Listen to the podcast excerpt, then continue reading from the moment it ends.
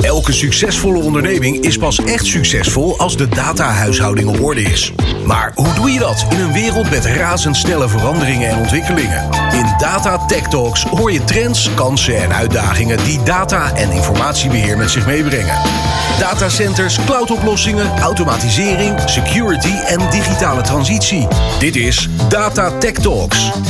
Welkom bij Data Tech Talks. Data is key, maar hoe ga je ermee om als bedrijf hoe haal je er ook meer uit? Nou, dat bespreken we in dit programma. En in deze aflevering gaan we het hebben over data en IT security. Ik ben Martine Howard en mijn gasten vandaag zijn Teun Naber, Business Development Manager bij Iron Mountain. En daarnaast ook Maarten Hensen, Regional Sales Director GDS, ook bij eh, Iron Mountain. Heren, we gaan lekker van start bij dit prachtige programma Data Tech Talks. Data Tech Talks met Martine Howard op Nieuw Business Radio.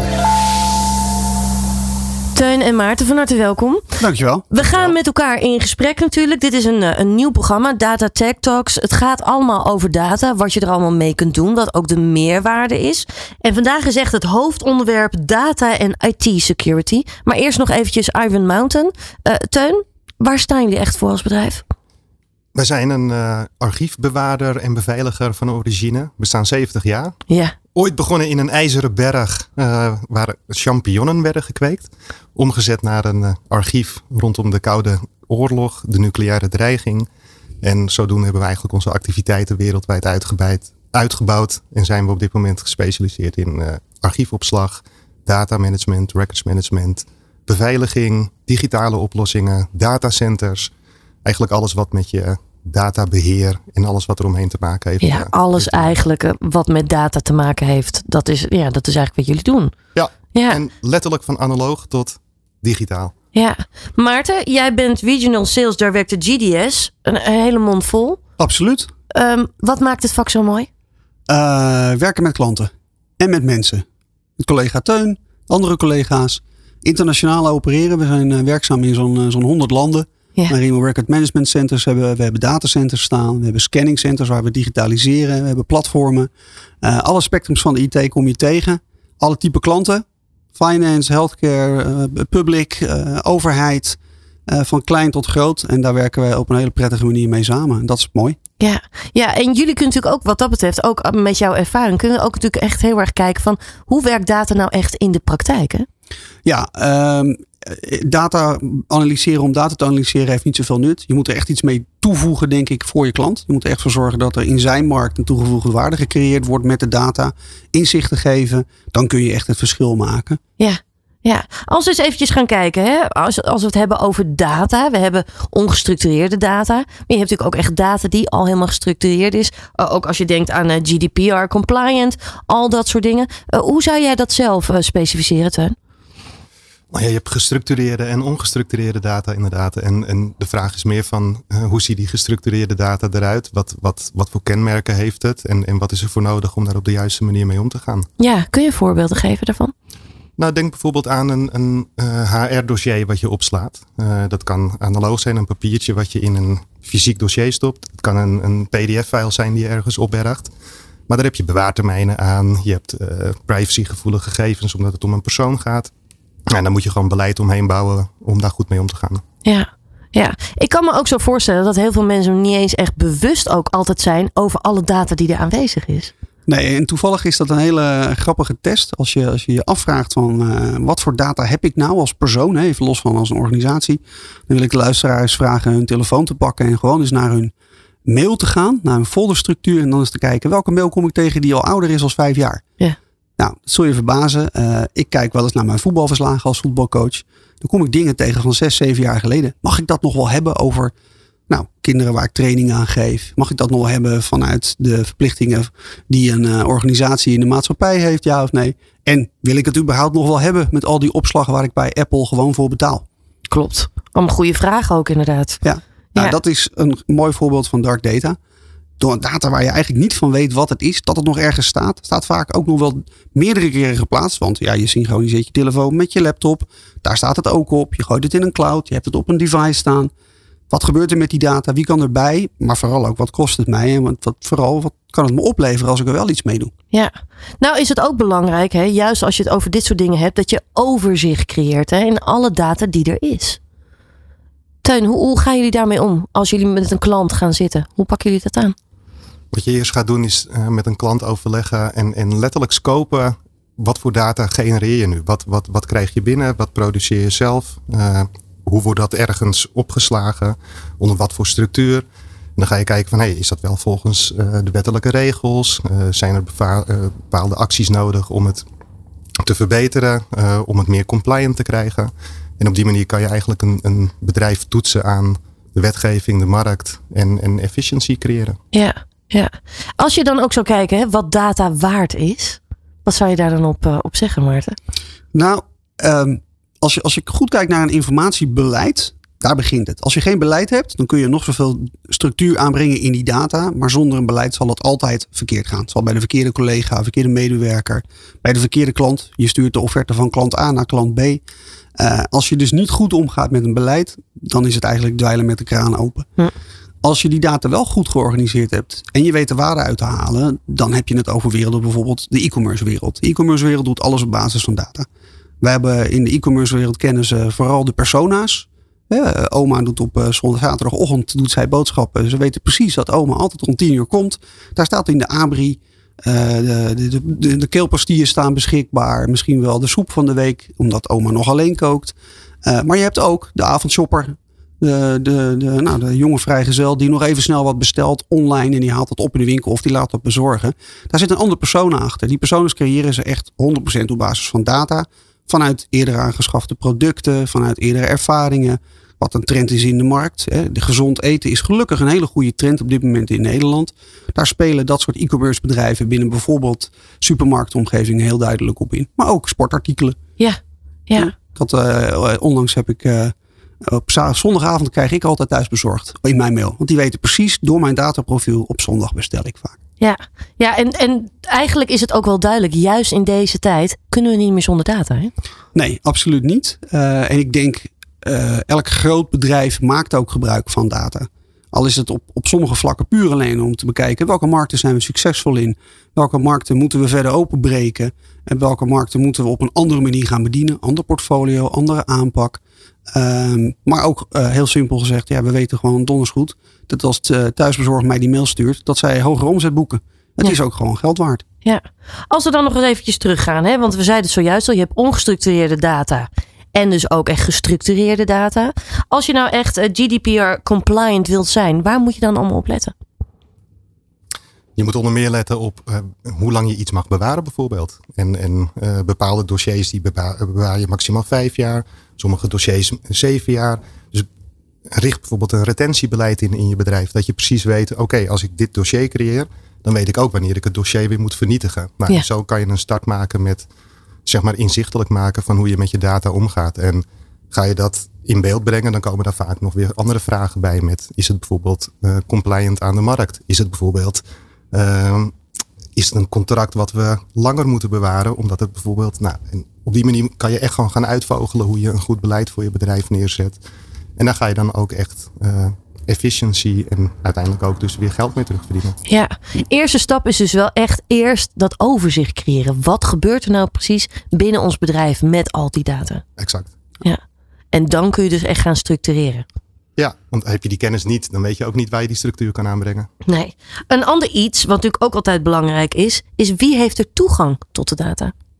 Ja, dat, dat valt en staat eigenlijk met je beleid en met de, de interne en externe invloeden die je hebt op je organisatie. Ben je bijvoorbeeld een onderdeel van een overheid, een gemeente of een veiligheidsregio, dan heb je externe invloeden. Dan wordt er mede gedicteerd vanuit diverse ministeries en zelfs vanuit de Europese Commissie ja. hoe je om moet gaan met welke data op welke manier. Dus dan heb je al best wel een goede richtlijn. Uh, ben je een, uh, een, een, kleine zelfstandige ondernemer, maar heb je bijvoorbeeld wel klantendata, al is het maar de groenteboer die een klantenpas uitdeelt, dan heb je ook een GDPR-verantwoordelijkheid om daar op een juiste manier mee om te gaan. Welke gegevens mag ik wel opslaan, welke gegevens mag ik niet opslaan?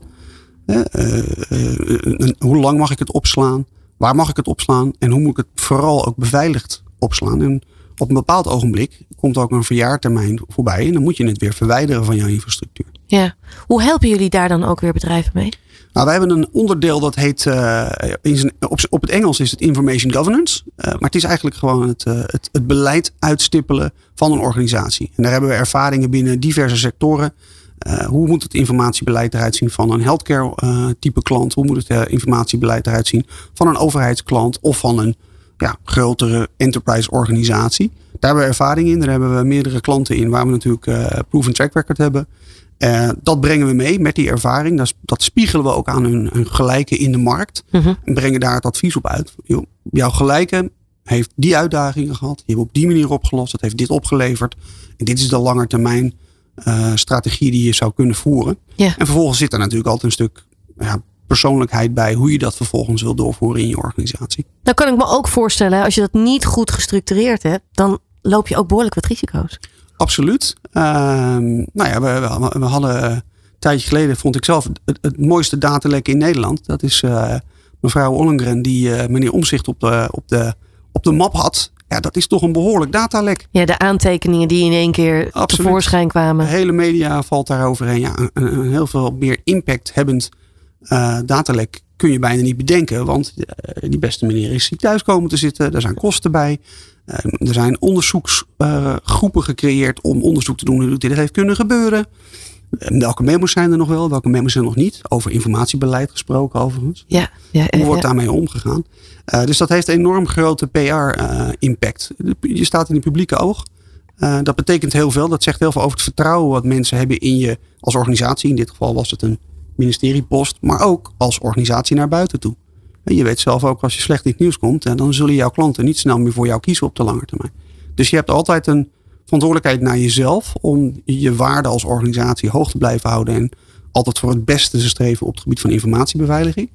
Uh, daarnaast heeft het ook gewoon uh, directe financiële impact. Er worden gewoon zeer hoge boetes wereldwijd uitgedeeld voor dataleks die niet op een uh, juiste manier behandeld worden of opgepakt worden. Ja, nu geef je echt wel een, een, een groot voorbeeld. Hè? Dit, dit ja. heeft echt nou ja, een heel grote impact. Als ik dan even kijk naar een kleiner voorbeeld, zeg maar. Juist misschien ook wel binnen een bedrijf. Waar moet ik dan aan denken? Nou, daar kan ik ook wel een leuk voorbeeld over noemen. Ik, bij een voormalig werkgever uh, deed ik een aantal jaar geleden af en toe een rondje over de bedrijfsvloer. Om gewoon te kijken van, hé, hey, wat, wat, wat zie je nu liggen? Wat vind je nu? En zaken die eigenlijk heel normaal voor iedereen zijn. Een, een post-it op je monitor met erop een wachtwoord en een, en een inlognaam. Een, een HR-file uitgeprint waar je op dat moment aan werkt en even op je bureau laat liggen.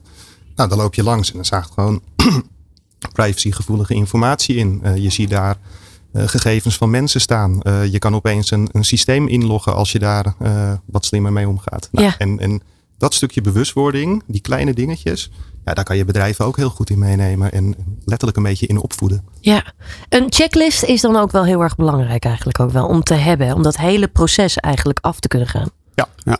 En, ja. Dat, en dat aangevuld met op continue wijze uh, blijven trainen. Medewerkers zijn je grootste bezit. Dus de, dus de grootste asset op dit moment in organisaties zijn je medewerkers. Kijk maar naar de arbeidsmarkt. Het is behoorlijk overspannen op dit moment. Zeker. Uh, dus ze zijn je grootste bezit, dus je zult ze op een juiste manier moeten behandelen. Maar aan de andere kant, veel van de dataproblemen die ontstaan, dat zijn uiteindelijk gewoon human error. En dat gebeurt 99,99% van de keren niet expres. Dat vooropgesteld. Maar dan heb je dus wel een verplichting eigenlijk naar je, naar je interne organisatie, maar ook naar je klanten toe. Om op continue wijze te blijven onderwijzen over hoe ga je om met compliance, hoe ga je om met security, hoe ga je om met data die jij als medewerker op een continue wijze verhandelt in de organisatie. Ja.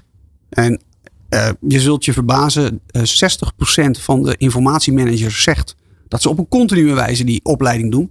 Maar we weten uit eerder geanalyseerde data dat 36% van de medewerkers bij de grotere organisaties internationaal dat het daadwerkelijk echt doet, die training. Ja. Oftewel, die kennis en die uh, waakzaamheid, die daalt op een da dagdagelijkse manier. We hebben het nog niet eens over de, de invloeden van de pandemie, waarin eens eens miljarden mensen wereldwijd thuis moesten gaan werken met allerlei data, compliance en security uh, effecten van dien. Uh, maar dat zijn wel belangrijke dingen. En, en het kan niet één keer dat je dit beleid neerlegt, een grote envelop, jongens, we zijn uh, helemaal succesvol. En dat je er een half jaar later niet meer naar omkijkt. Dat blijft iets wat continu in je, in je DNA als organisatie moet blijven draaien. Daar ligt dus ook wel meteen een uitdaging. Want we zijn allemaal druk, we hebben hartstikke veel prikkels, we hebben een hele to-do-list. Ja. Klopt, Voor je het weet, denk je daar niet meer zo over na. Maar uiteindelijk moet het wel echt een, een vast onderdeel van je, van je strategie zijn om, om je data zeg maar, goed te houden. En ja. bedenk ook dat in een bedrijf continu nieuwe medewerkers binnenkomen, om, omdat er mensen afvloeien. En, en die nieuwe medewerkers zal je ook moeten meenemen in, in jouw verhaal hoe je er met data binnen een bedrijf wordt omgegaan. Ja, ja. En dat is eigenlijk het moment om continu je personeel te hertrainen, te begeleiden en, en vooral gewoon bewust te maken van de processen waarin ze werken en, en hoe ze daarmee om moeten gaan. En het is niet vrijblijvend. Hè? Als beursgenoteerde organisatie, net zoals Iron Mountain, heb je gewoon een verplichting ook richting de aandeelhouders om aan te tonen dat je op een continue wijze zorgt dat je alle risico's beperkt. Ja. Uh, en daar stappen op neemt als het wel gebeurt. Uh, en ik denk dat er een hele belangrijke tip is naar alle organisaties. Uh, voer bijvoorbeeld eens een beleid door op je documentatie. Is het intern gevoelig? Is het extern gevoelig? Is er interne data? Is er externe data op? Is het klantdata? Vervolgens hang je daar een vaste lange bewaard mag blijven. Welke medewerker heeft de toegang, wat je daar straks vroeg? Is dat wel zo dat op een centrale drive, wat we nog heel veel hebben, we gewoon nog heel veel uh, fileservers op basis van Microsoft. Kan iedereen daar zomaar bij? Hoe is dat beleid geregeld? Ja. Daar gaan overigens een hoop organisaties nog steeds nat. Als je dat analyseert, uh, je gaat gewoon naar de D-drive of de E-drive, hoe de, de lokale IT'er dat noemt.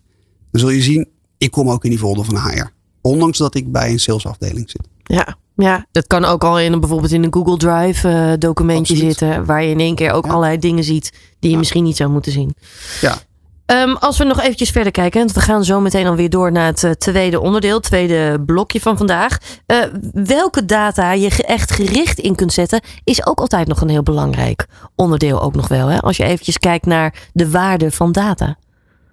Klopt, en dat, dat is ook weer eigenlijk zo'n fenomeen waarin je met klanten gaat kijken van oké, wat, wat werkt bijvoorbeeld bij andere bedrijven, wat werkt bij andere klanten. Ja. Kunnen we dat ook bij jou toepassen? Uh, maar het is vaak ook onderzoeken en met elkaar sparren en, en brainstorm sessies en inspiratiesessies doen om te kijken van hé, hey, waar ligt nou die efficiëntie van jou? Want sommige onderdelen, bijvoorbeeld door een bepaalde bedrijfscultuur of door een bepaalde legacy die in de jaren is opgebouwd, kan je niet helemaal inrichten zoals je het ergens anders ook hebt gedaan. Dus het, het is ook een continu speelveld van delen van informatie. Zorgen dat je precies weet wat een bedrijf doet. Dat wij ons heel goed inleven, inlezen, inspreken met bedrijven. En op basis daarvan kan je elkaar raken en een goede strategie ontwikkelen. Hoe belangrijk data is, dat wordt eigenlijk nu al wel heel duidelijk met alles wat we nu al bespreken. Zometeen in het tweede deel gaan we dan ook bespreken hoe je data op kunt schonen en organiseren. En dat doen we hier bij Data Tech Talks. Data is key. Maar hoe ga je ermee om als bedrijf en haal je er meer uit? Dit is Data Tech Talks. Je luistert naar Data Tech Talks en hier hoor je trends, kansen en uitdagingen die data en informatiebeheer met zich meebrengen. Het hoofdonderwerp deze keer is data en IT security. En nou ja, in dit tweede onderdeel eh, gaan we dan ook echt uh, nou ja, data opschonen en organiseren met elkaar bespreken. Zojuist we natuurlijk echt wel dat overzicht creëren. Uh, maar data opschonen en organiseren, waar begin je Maarten? Nou, als je ervan uitgaat dat je dus je beleid uh, enigszins geformeerd hebt, mede door interne en externe invloeden van wat, wat is jouw verantwoordelijkheid, dan zou je kunnen beginnen met het analyseren wat voor type afdelingen heb ik en wat voor soort data hebben die afdelingen in hun bezit. HR, finance, operations, sales, marketing. Uh, bekijk eens wat voor data ze hebben. Is dat interne data, medewerkers, uh, collega's, et cetera? Is het externe data, klantdata? Is het financiële data? Aandeelgegevens, eh, marktgevoelige gegevens, zoals bijvoorbeeld een beursgenoteerd bedrijf. Daar zou je eh, onderscheid in kunnen gaan maken en dan zou je kunnen gaan analyseren. Wat zijn mijn verplichtingen rondom die data? Geen enkele data mag aan de buitenkant op straat komen te liggen. Ja. Maar er is bijvoorbeeld ook een set aan data waar je na een bepaalde tijd verplicht uh, het moet verwijderen. Denk aan mensendata, persoonlijke data dat mag je niet onbeperkt blijven behouden in, uh, in Nederland. Nee. Als je dat allemaal goed georganiseerd hebt, heb je het dan over schone data? Wanneer heb je het over schone data? Ja, dat is, dat is een hele goede vraag. Want wanneer is het nou eindelijk schoon? Ik denk dat het nooit 100% schoon zal zijn, naar mijn persoonlijke mening. Want elke dag uh, wordt het weer vervuild. Hm. Wat gebeurt er namelijk? Elke dag wordt data ouder. Uh, even terug naar het voorbeeld wat ik daar straks gaf. Die opslag van die mail en die opslag op die folderstructuur die je hebt staan. Ja, als je een bepaald beleid hebt doorgevoerd en je hebt geclassificeerd, dan weet je als het goed is wat voor type data je hebt. Maar ga je daar vervolgens ook iets mee doen? Ga je het verwijderen? Ga je het toepassen? Ga je het organiseren? Ga je het herstructureren? De HR-data gaat voortaan niet op een of andere folderstructuur waar het misschien wel tien jaar staat, terwijl het misschien maar vijf jaar bewaard mag blijven. Ja. Maar je gooit het in een softwarepakket waarin je automatiseerd geherinnerd wordt, beste IT-manager, beste HR-manager, dit file is op een bepaald ogenblik onderdeel van een retentie verwijderverplichting. En dan heb je het echt over doorvoeren van een beleid. En dan weet je ook wat met, die data moet gebeuren. Ja. Dus je moet daar wel een uh, proces achter zetten. Eenmaal neerzetten, dat is niet genoeg. Je moet er echt wat mee doen op een continue wijze. Ja. Wat zijn nou echt de voordelen ervan als je dat zo goed georganiseerd hebt? aantal voordelen van, van het goed organiseren is dat je één, uh, geen uh, beveiligingsproblemen gaat krijgen. Mhm. Dus denk aan een datalek, et cetera. Als het gaat om een retentiebeleid is het vooral heel belangrijk om in het oog te houden van oké, wanneer moet letterlijk, bijvoorbeeld wettelijk, die data zijn uh, vernietigd. Nou, daar moet je ook een programma voor hebben. En dan kom je eigenlijk weer op het volgende van oké, hoe ga je die data uit je systeem vernietigen. Ja. En, en is dat inderdaad digitale data die ergens op een, op een server staat of, of op een harddisk? Of, of zijn het letterlijk actes van, vanuit een notariaat waar nog, nog handgeschreven zaken op staan? Dat is ook wel echt het klassificeren van data is dan dus ook weer heel erg belangrijk, ook weer in dit proces. Hè? Ja, want heb je die klassificatie vooraf niet gedaan, dan weet je ook niet wanneer je hem moet vernietigen en kan je in de problemen komen. Ja, ja. Uh, en, dat, uh, je moet ook rekenen dat als je data op een goede gestructureerde manier, op een continue wijze beschikbaar hebt voor jezelf als organisatie, dan is je time to market, de wijze waarop jij snel in kan spelen op trends op de markt, doordat je je data beschikbaar hebt, goed geclassificeerd hebt en kunt analyseren, ook veel sneller. Het heeft ook echt een, een, een toepassing op je portfolio, een toepassing op je commerciële strategie. Als je dat niet hebt, dan ben je eigenlijk blind aan het besturen op, uh, op, een, op een markt. Uh, daarnaast is er zeker in de, in de publieke sector is een bepaalde verplichting wat je doet met die data. Dus dat kun je niet zomaar vrijblijvend ergens op blijven staan. Veel overheden en vooral veel lokale gemeenten is, is daar is een grote uitdaging met hoe gaan we de digitale transformatie met z'n allen doormaken. Hoe zorgen we vooral dat onze dienstverlening op het allerhoogste niveau is. Nou zijn we in Nederland behoorlijk uh, IT gericht, behoorlijk geautomatiseerd. En we zitten in een behoorlijke grotere transitie dan bijvoorbeeld andere landen. Mm -hmm. uh, maar nog steeds zijn er uh, afdelingen waarin je letterlijk met papiertje A naar afdeling B moet. Met een stempeltje op C en een kopietje op D. Dat is allemaal data. Als je dat gaat digitaliseren, dan wordt dienstverlening gewoon beter. Ja. En daar worden we allemaal blij van, toch? De beste dienstverlening als, als, als burger, als klant, als collega is gewoon prettigst is ook de manier om jezelf te kunnen onderscheiden natuurlijk ook. Hè? Als je goede dienstverlening toont. Als je basisproduct goed is en je weet uiteindelijk ook nog de beste klantenservice te leveren aan je klanten, heb je goud in handen. Ja, als we dan kijken, hè, datastrategie is dan dus eigenlijk echt cruciaal. Een goede strategie daar ook in creëren. Zonder meer. Ik denk dat als je als bedrijf uh, geen strategie hebt op dit moment, dan, dan loop je achter en, en ja, ontwikkel je niet door, dan, dan creëer dat in feite vaak het einde van je business natuurlijk. Ja. Kun je, kun je vertellen hoe jullie daarmee omgaan en hoe jullie bedrijven daarbij helpen? Juist ook met die strategie. Nou ja, allereerst door een, een, een stukje specialisme, eh, expertise en consultancy bij bedrijven binnen te brengen. Op die manier maken we echt samen uh, uh, een plan. Kunnen we kijken wat, wat de stand van zaken is bij het bedrijf. En kunnen we kijken van wat moeten we toevoegen of trainen of uh, regelen voor zo'n bedrijf. Om ervoor te zorgen dat de data wel op de juiste manier wordt gebruikt en, Ja, en goed staat. Welke systemen, welke apparaten ook natuurlijk ook weer. Exact. En op basis van die systemen, apparaten maak je een plan. En dan kom je ook weer op het eh, verhaal van oké, waar staat die data? En op het moment dat je apparatuur bijvoorbeeld verouderd is of wat dan ook, ga je die afvoeren.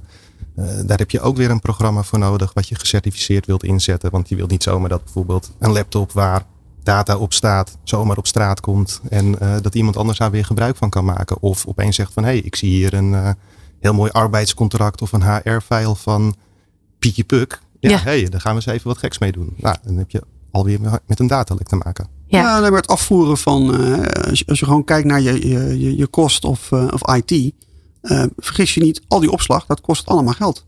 Je maakt gebruik van softwarepakketten, je staat op een cloud, je hebt misschien al een eigen infrastructuur. Ehm, dat kost geld, dat moet beheerd worden. Die data is, kost je werkelijk maandelijks omzet. Hetgene wat je zou kunnen doen is goed analyseren van hoeveel data heb ik daadwerkelijk nodig? Hoeveel data mag ik blijven behouden? Uh, hoe ziet mijn verplichting er intern en extern uit? En wat ga ik vervolgens doen om dat op te schonen? Um, elk uh, informatiebeleid, uh, offertetraject met ons begint eigenlijk gewoon met een workshop. Laten we eens kijken naar, heb je alle data wel nodig? Heb je niet data? die al lang verouderd is, die alleen maar opslag kost, die versimpeld verwijderd kan worden. Nog steeds geclassificeerd op de juiste manier, zodat we niet dingen weggooien die niet weggegooid zouden mogen worden. Maar wel met een, een bepaalde visie waarop je op lange termijn ook met minder data toe kan minder IT-infrastructuur, minder afhankelijk van legacy-apparatuur. En eigenlijk echt op basis van een proactieve manier met je data omgaat. Terwijl het nu een, een donker archiefmapje ergens in een, op een server in een kast is, wordt het straks een van de belangrijkste uh, voordelen van jou in je organisatie en in je markt blijft natuurlijk altijd wel de vraag: wanneer kun je iets deleten? Hè? Want dat is natuurlijk ook altijd net als een map, zeg maar. Nou, ik bewaar hem nog eventjes. En voor je het weet, eh, ligt die tien jaar later, of misschien twintig jaar later, ligt die daar nog steeds. Maar dat geldt natuurlijk ook voor data. Wanneer kun je het gaan deleten? Ja, dat, dat, dat valt en staat eigenlijk met uh, welke verplichtingen je hebt. Uh, dus Nederlandse wet, Europese wet. Ben je een publieke sector type bedrijf? of lever je, en nog even omdraaien, lever je diensten aan de publieke sector. In onderdeel zijn als een gemeente of als een veiligheidsregio in de publieke sector, politie, brandweer, et cetera, als één. Maar de bedrijven die diensten aan hun leveren, hebben eigenlijk bijna de gelijke verplichting om op dezelfde manier, met dezelfde retentie en ook hetzelfde verwijderbeleid om te gaan, als dat die bedrijven dat zelf hebben. Dus daar begint het eigenlijk wel mee. Wat voor soort verplichtingen heb je? Uh, als je een commerciële organisatie bent en je hebt minder externe invloeden en externe verplichtingen vanuit de overheid, maar je levert diensten B2B, dan zou je ook bij jezelf moeten analyseren. Wat ga ik met die data doen? Straks heb ik heel veel inzicht op mijn data. Het is niet langer in een la, in een kast, in een server ergens. Maar het is beschikbaar voor me. Wat ga ik ermee doen? Nou, mijn eerste tip zou zijn: zet het in voor je bedrijfsvoering om een betere dienstverlening voor je klant, betere markten open te breken. Uh, zorgen dat je meer inspeelt op de vraag in je markt bij jouw klant en weet wat er gebeurt bij jouw klant. Ja, ja, waar zit nog echt waarde dan ook in? Hè? Dus hoe kun je echt waarde creëren, ook nog weer met die data die je al hebt? Ja. en bedenk, hou ook in gedachten dat op het moment dat jij een goede structuur en, en helemaal compliant bent aan de markt, dat andere bedrijven en mensen natuurlijk ook graag zaken met jou willen doen. Omdat je aantoonbaar goed met die data omgaat. En uh, op het moment dat je dat niet voor elkaar hebt, nou, dan maak je bijvoorbeeld geen kans om, om overheidsopdrachten binnen te halen. Of bijvoorbeeld uh, bedrijven als, als grote verzekeraars, farmaceuten, die dan toch zeggen van hé, hey, wij willen geen zaken met je doen, omdat je de boel gewoon niet goed voor elkaar hebt. Nou, gaat je businessmodel. Ja, ja. dat stukje betrouwbaarheid, maar dus ook veiligheid is heel erg belangrijk. Juist ook in deze tijd. Ja. En communiceer het ook. Hè? Het is geen schande om naar de buitenwereld te laten zien dat je je zaken goed op orde hebt. Dat je er werk van gemaakt hebt, dat je de kwaliteit op los hebt gelaten en dat je er daadwerkelijk echt voor staat. Ja, nou hadden we het zojuist al over hè? Eh, apparaten, uh, gevoelige data, die dan ook vernietigd moet worden. Ook daar moet je natuurlijk wel echt opletten. hey, hoe, hoe, ga je daar nou precies mee om? Hè? Er zijn wel cruciale stappen ook wel. Heb je daar dan ook weer in te zetten? Teun, kun je daar wat meer over vertellen? Ja, nou ja, in dat, in dat databeheerbeleid valt eigenlijk ook het, het beheer van, van de IT-apparatuur waar die data op staat. er is een moment dat je misschien data daarvan afhaalt of wat dan ook. Maar uiteindelijk is er ergens een moment dat je data op uh, apparatuur hebt staan. Die data uh, die wil je afvoeren. De apparatuur is verouderd of wat dan ook. En daar zul je ook een programma voor moeten maken waarin je eigenlijk die IT-apparatuur op een beveiligde, gecertificeerde manier gaat afvoeren. Ja. En dat je eigenlijk daarna een data-hygiënelaag daarop gaat toepassen om eigenlijk een soort van sanitatie te doen om die data te wissen, te vernietigen, op wat voor manier dan ook. En dat lijkt even heel makkelijk als van hé, hey, we gooien even een, een, een, laptop of een stuk apparatuur door een shredder en dan, uh, nou ja, dan is, klaar het, is het. Dat is het klaar. Ja. Maar dat is bijvoorbeeld weer helemaal niet duurzaam. Want dan creëer je allemaal restproducten en, en grondstoffen die wellicht uh, het milieu ingaan. En daarvoor moet je ook echt een, een goede strategie ontwikkelen voor het, het afvoeren van je IT-apparatuur. En daar komen twee dingen met name bij kijken. Eén, een stukje duurzaamheid. Je wil niet dat het in het milieu terechtkomt. Dus daar moet je goed als bedrijf over nadenken ook erg belangrijk volgens mij tegenwoordig. Zeker. Aan de andere kant heb je dus weer eigenlijk die uh, hygiënelaag waarin je de data van de apparaten wil halen. Nou, en daarvoor uh, zijn talloze oplossingen beschikbaar van letterlijk vernietigen van data tot en met een apparaat helemaal opschonen. En heel duurzaam weer eigenlijk de markt in te zetten voor hergebruik of het refurbishen wat je tegenwoordig ook vaak ziet. En ja, dat het tegen een bepaalde prijs gewoon weer wordt verkocht en een nieuwe gebruiker krijgt. En het interessante daarvan is dat je het dan weer kan linken als bedrijf aan bijvoorbeeld je, je ESG-strategie. Dus duurzaamheid, social. Circulair ondernemen. Circulair ondernemen. Dus dat soort termen komen dan opeens ook binnen bereik. En dat is natuurlijk ook interessant voor bedrijven, omdat ze daarmee uh, weer andere doelstellingen in hun bedrijf kunnen omhoog trekken. Nou ja, juist in deze tijd waarin duurzaamheid en circulaire economie eigenlijk alleen maar steeds meer aan bod komt, is dat natuurlijk ook heel cruciaal. Ja, het is ook echt een. Uh, ik heb zelf een aantal jaren in, uh, in de printingindustrie uh, gewerkt. En daar is het gewoon een verplichting om een onderdeel van je aanbieding te laten zien dat je social return hebt, dat je circulair onderneemt, dat je maatschappelijk verantwoordelijk onderneemt. en die verplichting die gaat verder ook weer voor de bedrijven waar je diensten aan, aan verleent. Dus wat gebeurt er met, met de hardware? Wat gebeurt er met de data die erop staat? Dat is een hele belangrijke verplichting waarmee je uiteindelijk ook gewoon, wat Teun ook terecht zegt, een bepaald type markt kunt aan blijven spreken. Ja. En als je dat niet doet, ja, dan moet je jezelf ook wel realiseren dat je die markt niet zult gaan, uh, gaan kunnen bedienen. Ja. Nou ja, je stipt het zojuist natuurlijk eigenlijk ook al aan. Hè? Dat stukje betrouwbaarheid is heel erg belangrijk. Stukje veiligheid. Je wil juist voorkomen dat er een, een datalek ontstaat. Daar gaan we zo meteen ook verder over praten. Uh, maar juist in deze tijd is dat nog extra belangrijker, denk ik, alleen maar geworden. Juist met de hoeveelheid data die we nu hebben. Ja, nou ja, er zijn voorbeelden van bedrijven die bijvoorbeeld een, een, een oude laptop die is afgeschreven, dan, dan gunnen of meegeven aan, aan personeel.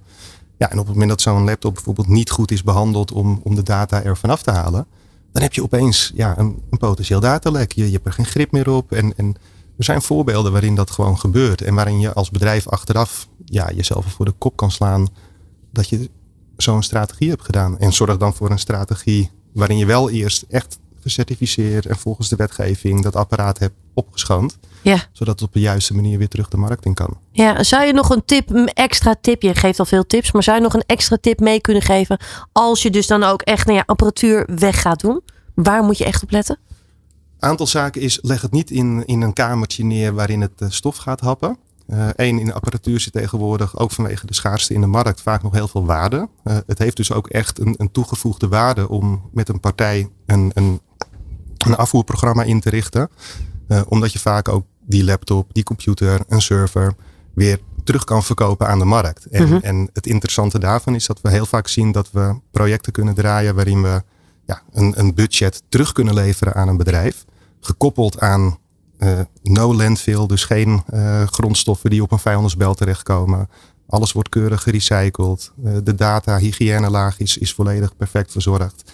En het bedrijf kan bijvoorbeeld daardoor een stukje budget aan, aan een goed doel terugschenken of, of gebruiken om social returns in een bedrijf te genereren of, of andere activiteiten met personeel daarvoor te ontplooien. En nou, daarvan zie je ook weer, weer op dat vlak van, van duurzaamheid, van social, van governance, ja, zie je ook weer nieuwe initiatieven ontstaan. Ja. Uh, wat, je, wat jij zegt, hè, het is niet alleen maatschappelijk verantwoord, maar het is vaak ook wel een verplichting je zult als een bepaald type organisatie, zul je uh, een, een, daadwerkelijk bewijs van uh, op een beveiligde manier van het wegverwijderen van die data moeten kunnen overleggen. Als jij bij de Nederlandse bank uh, samenwerkt als verzekeringsmaatschappij, ben je verplicht dat soort certificaten te overleggen. Sterker nog, het heeft impact op je verzekeringsniveau. Je zult verplicht dat soort data aan moeten kunnen tonen. Ja. Um, en als je dat niet kan, ja, dan heb je ook echt een probleem. Uh, dan is die data misschien nog niet eens op straat. Maar je hebt wel het probleem dat je op dat moment incompliant bent met de Nederlandse wet en de regelgeving die voor diverse uh, centrale bedrijven geldt. Ja, helder. Hele belangrijke onderdelen dus. Wil je dit allemaal goed op orde hebben? Um, we gaan zo meteen verder praten over hoe je nou een datalek kunt voorkomen. Hier bij Data Tech Talks. Data, Data Tech Talks. Elke eerste vrijdag van de maand tussen 2 en 3 op Nieuw Business Radio. Hier bij Data Tech Talks uh, bespreken we alles op het gebied van data. En hier in het uh, derde onderdeel gaan we dan ook bespreken hoe je een datalek kunt voorkomen. Want data is een lifeline voor bedrijven. En ja, een datalek is natuurlijk wel eigenlijk hetgene wat je echt wilt voorkomen. Teun, uh, dat is eigenlijk toch wel wat ieder bedrijf ook wil. Je wilt dat juist echt voorkomen, juist een datalek. Nou, één, daarvoor heb je inderdaad als het goed is een strategie in plaats. En twee, het is iets waar je gewoon niet mee geconfronteerd wil worden. Eén, het, het, het uh, levert financiële schade op, reputatieschade. Uh, een, een, een echt datalek moet je melden bij de autoriteit persoonsgegevens. Nou, dat zorgt ervoor dat je letterlijk op een lijstje komt te staan. En, en ja, op die manier krijg je gewoon een, een, een, negatieve uitstraling. En dat wil je niet. Nee, dat wil je juist voorkomen. Als we eventjes kijken naar data, hè, datalekken in Nederland. Hoe groot is dat probleem in Nederland, Maarten? Uh, nou, het is altijd aanwezig, dus is het altijd, altijd groot. Uh, een, is 10 euro veel, is 100 euro veel? Dat, dat is uh, interpretabel. Het, het, gaat er vooral om, als het van één eind klant, eindgebruikers, persoonsgegevens op straat liggen, dan is dat al eigenlijk al groot. Voor die persoon kan dat enorm veel impact hebben. Die kan gehackt worden, kunnen privégegevens op straat komen te liggen. Uh, dat is al groot. Maar als je het hebt over echt grote datalekken, dan zijn er een aantal voorbeelden te noemen die ik niet uh, bij naam zal noemen. Maar onder andere iets, uh, iets met een blauwe envelop. Die heeft een paar jaar geleden een heel groot datalek ge gecreëerd. Door diverse BSN-nummers naar verschillende mensen te sturen. Waardoor nou ja, burgerservice nummer gewoon eigenlijk bij de verkeerde handen terechtkomt. Ja. Nou, daar kun je heel veel mee doen. Aanvragen van rijbewijzen, uitkeringen, noem maar op. Nou, dat heeft enorm veel financiële schade op een persoon, op een individu, maar uiteindelijk ook op die organisaties die daar dus niet wetend van zijn en vervolgens een rijbewijs uitgeven, paspoort uitgeven, uitkering uitgeven. Dat heeft financiële schade. Dus, dus de, de impact is enorm. Uh, je hebt dus altijd een meldplicht. Zoals Teun al zei, uh, autoriteit uh, persoonsgegevens moet je absoluut melden. Dat is ook de belangrijkste tip. Ga er alsjeblieft niet mee in de stilte of in de donkerte mee om. Van oh jee, uh, zeg maar niks. Want anders krijg je gedoe. Ja. Elke, elke leidinggevende, elke organisatie uh, moet zich bewust zijn van het feit dat er een meldplicht is. En dat het je ook echt helpt. Want het maakt je daarna als organisatie alleen maar sterker. Waar moet je dat echt precies melden? Bij de autoriteit persoonsgegevens. Centrale organisatie valt te vinden op internet. En anders mogen ze altijd contact opnemen met ons met Iron want we helpen organisaties graag. Uh, daar is een meldplicht. Uh, het varieert wel uh, van het type. Is het inderdaad die ene klant die op straat ligt, dan is de impact misschien wat minder groot, maar je hebt nog steeds wel een verplichting. Of is het echt enorm groot en dan heb je ook echt wel een bepaald format waarin je het aan moet leveren, waarin je ook op laten zien wat je mitigerende stappen zijn geweest om het daarna ook wel te dichten. Je hebt niet alleen een meldplicht en daarna mag de kraan open blijven staan. Je moet ook echt zorgen dat je het oplost. Ja. Daar kun je advies bij krijgen, intern, extern. Maar je zult vooral moeten nadenken over hoe ga ik dat voorkomen in de toekomst. Ja, Teun, ik kan me ook voorstellen dat mensen behoorlijk in paniek zijn hè, als dit gebeurt. Uh, ja, uh, omdat het gewoon zoveel impact heeft. Ja. Uh, en, en dan wil ik eigenlijk gelijk het bruggetje maken net op wat Maarten zegt. Is dat uiteindelijk zorgt het er gewoon voor dat je een goede strategie moet hebben.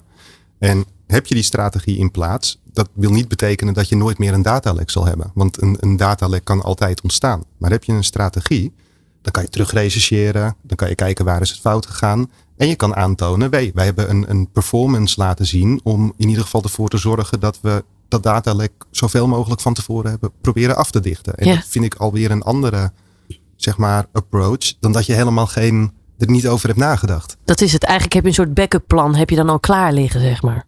Dat scheelt dan eigenlijk ook alweer. Dat sowieso. Ja. Ik denk dat dat ook de grootste oproep is aan, aan de luisteraars. Is, denk erover na. Zorg dat je een plan maakt. Zorg dat je stappen gaat nemen. Uh, het, het, hele principe datalek en uh, data breach en GDPR, AVG, is al heel erg lang bekend in, uh, eigenlijk in de wereld wat dat betreft. Um, dus je hebt echt een plan nodig. Als je het toch niet hebt, ja, dan is bij deze echt wel de tip om eraan te gaan werken. Let op, het kan je per incident, zeg ik even uit mijn hoofd, geloof ik 20 miljoen gemaximeerd of 4% van je omzet kosten. Nou, als je denkt aan je normale gedraaide marge, 4% is een heleboel geld voor een kleine tot een hele grote ondernemer. Uh, dus daar moet je zeker bewust van zijn. De impact is echt enorm. Naast de eerder genoemde PR-schade, mogelijk uh, verlies van omzetten omdat je niet een bepaald markttype meer kunt, kunt bedienen. Uh, dus het is echt een, een heel belangrijk punt om aan te gaan werken. Ja, je gaf zojuist al een mooi voorbeeld hè, van zo'n datalek. Datalek wat dus dan enorm veel impact heeft. Hoe kun je dat voorkomen? Ja, zoals ze zeggen in de, in de medische wereld, voorkomen is beter dan genezen. Ja. voorkomen begint eigenlijk met ehm, helder nadenken. Stel je op als een crimineel wat zou een crimineel doen om mijn IT-infrastructuur aan te vallen en te zorgen dat die data inhangen? Want data is waard. Hè? Als je data hebt, kun je er misbruik van maken. Wat ik net zei, creditcards aanvragen, rijbewijzen aanvragen. Er zijn bepaalde landen die hebben hele gebouwen vol met hackers zitten. Dat is één. Dat is een grote externe bedreiging. Dus denk als een crimineel met jouw IT-organisatie. Organiseer een workshop. Dat kan met ons. Doe het intern op basis van adviezen van autoriteit persoonsgegevens. Want de organisatie is niet alleen daar om je op de vingers te tikken, maar ook wel om te helpen. Dus daar zou je kunnen aankloppen. Uh, tweede is, doe eens een hele grote test. Pak eens een set van je data. 40, 50 personeelsgegevens van HR-afdeling. Wie kan er allemaal bij? Ja. Wie kan daarbij? Met welke rechten? Met welke impact? Welke data is het? Is het bijvoorbeeld alleen maar een cv waarop bepaalde gegevens zijn? Of zijn het kopietjes van legitimatiebewijzen? Zijn het misschien wel BSN en bankrekeningnummers? Wat je qua klassificatie op een andere manier zou moeten indelen. Uh, is het een visitekaartje met een naam en een telefoonnummer? Dat is al data. Dat is al privédata van iemand aan de buitenkant waar jij een verantwoordelijkheid voor hebt als organisatie. Om op een, uh, een uh, normale manier mee om te gaan. Uh, andere tips die je kan doen is. Wat kan ik leren van mijn peers? Welke datalekken zijn er geweest bij mijn collega's in dezelfde markt? Welke datalekken heb ik gezien op internationaal niveau? En hoe zijn die ontstaan? Ja. Zijn ze ontstaan door een IT-probleem? Zijn ze ontstaan door een nou, medewerker die per ongeluk een foutje gemaakt heeft? Zijn ze ontstaan door wanbeleid? Vaak wel iets wat er, wat er speelt. Dat er gewoon geen beleid is. Of zijn ze door externe factoren als in bijvoorbeeld hackers of andere aanvallen ontstaan? Nou, heb je een soort vier categorie waarmee je zou kunnen gaan nadenken over wat voor impact heeft het op mij? En dan zou je vervolgens ja, eh, daar wel mitigerende werkzaamheden voor moeten gaan inzetten. Ja. Je zult dat eerder genoemde beleid moeten gaan opstellen. Je moet gaan klassificeren wat die data is. En dan is het spel net begonnen. Maar dit is een wedstrijd, die, die gaat altijd door. Dit is een race die je nooit wint. Dus vanaf het moment dat je, dat je dit uh, uh, aan de hand hebt, dan blijf je eigenlijk de rest van je ondernemerschap verantwoordelijk daar voor dragen. Ja, wat je omschrijft is ook wel echt een full cycle data management ook wel. Hè? Zo wordt het ook wel mooi omschreven. Uh, het, het, het, is een heel breed palet wat je eigenlijk afgaat. En dat blijf je dus ook continu ook weer ja, polsen en, en checken. Ja, ik noemde daar net uh, dataclassificatie. Als je denkt dat je op maandag start en op vrijdag klaar bent. Op dinsdag komt er, zoals Teun net zegt, een nieuwe medewerker met een nieuwe rol. Of je doet een overname. Eh, merger and acquisition, overnames, dat is altijd uitdagend. Want dan haal je eigenlijk als koper haal je de IT-infrastructuur, de data, de werkwijze, de processen. Maar ook alle lijken in de kast in huis van het bedrijf wat je gekocht hebt. Ja. Dus een due diligence op data, op uh, informatiebeleid is heel belangrijk in dat soort fasen.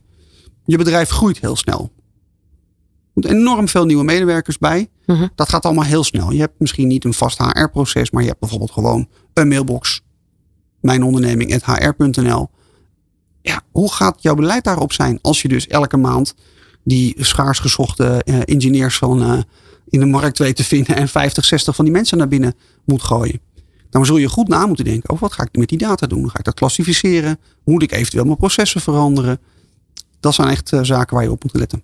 Ja, en ik denk ook dat het een, inderdaad een hele goede tip is om inderdaad te kijken van hey, doen, hoe doen anderen het? Welke onderzoeken zijn er al geweest? Uh, waar lopen anderen tegenaan? Zeg maar. Je hoeft het niet allemaal zelf opnieuw te bedenken. Er is ook heel veel om je heen te vinden wat dat ja, betreft. Het, het, is gelukkig of helaas, net hoe je het bekijkt, is het al een langer probleem. Er, is natuurlijk uh, uh, al jaren zijn er datalekken, zijn er hacks, zijn er nou, data op straat komen te liggen. Dat varieert van uh, de map in de trein tot de laptop die, die op niet goede manier afgevoerd is, waardoor data beschikbaar is. En let op, hè, als, als je gewoon een nieuwe gebruiker aanmaakt op een laptop voor de IT'ers onder ons, dan is je data niet van je laptop af.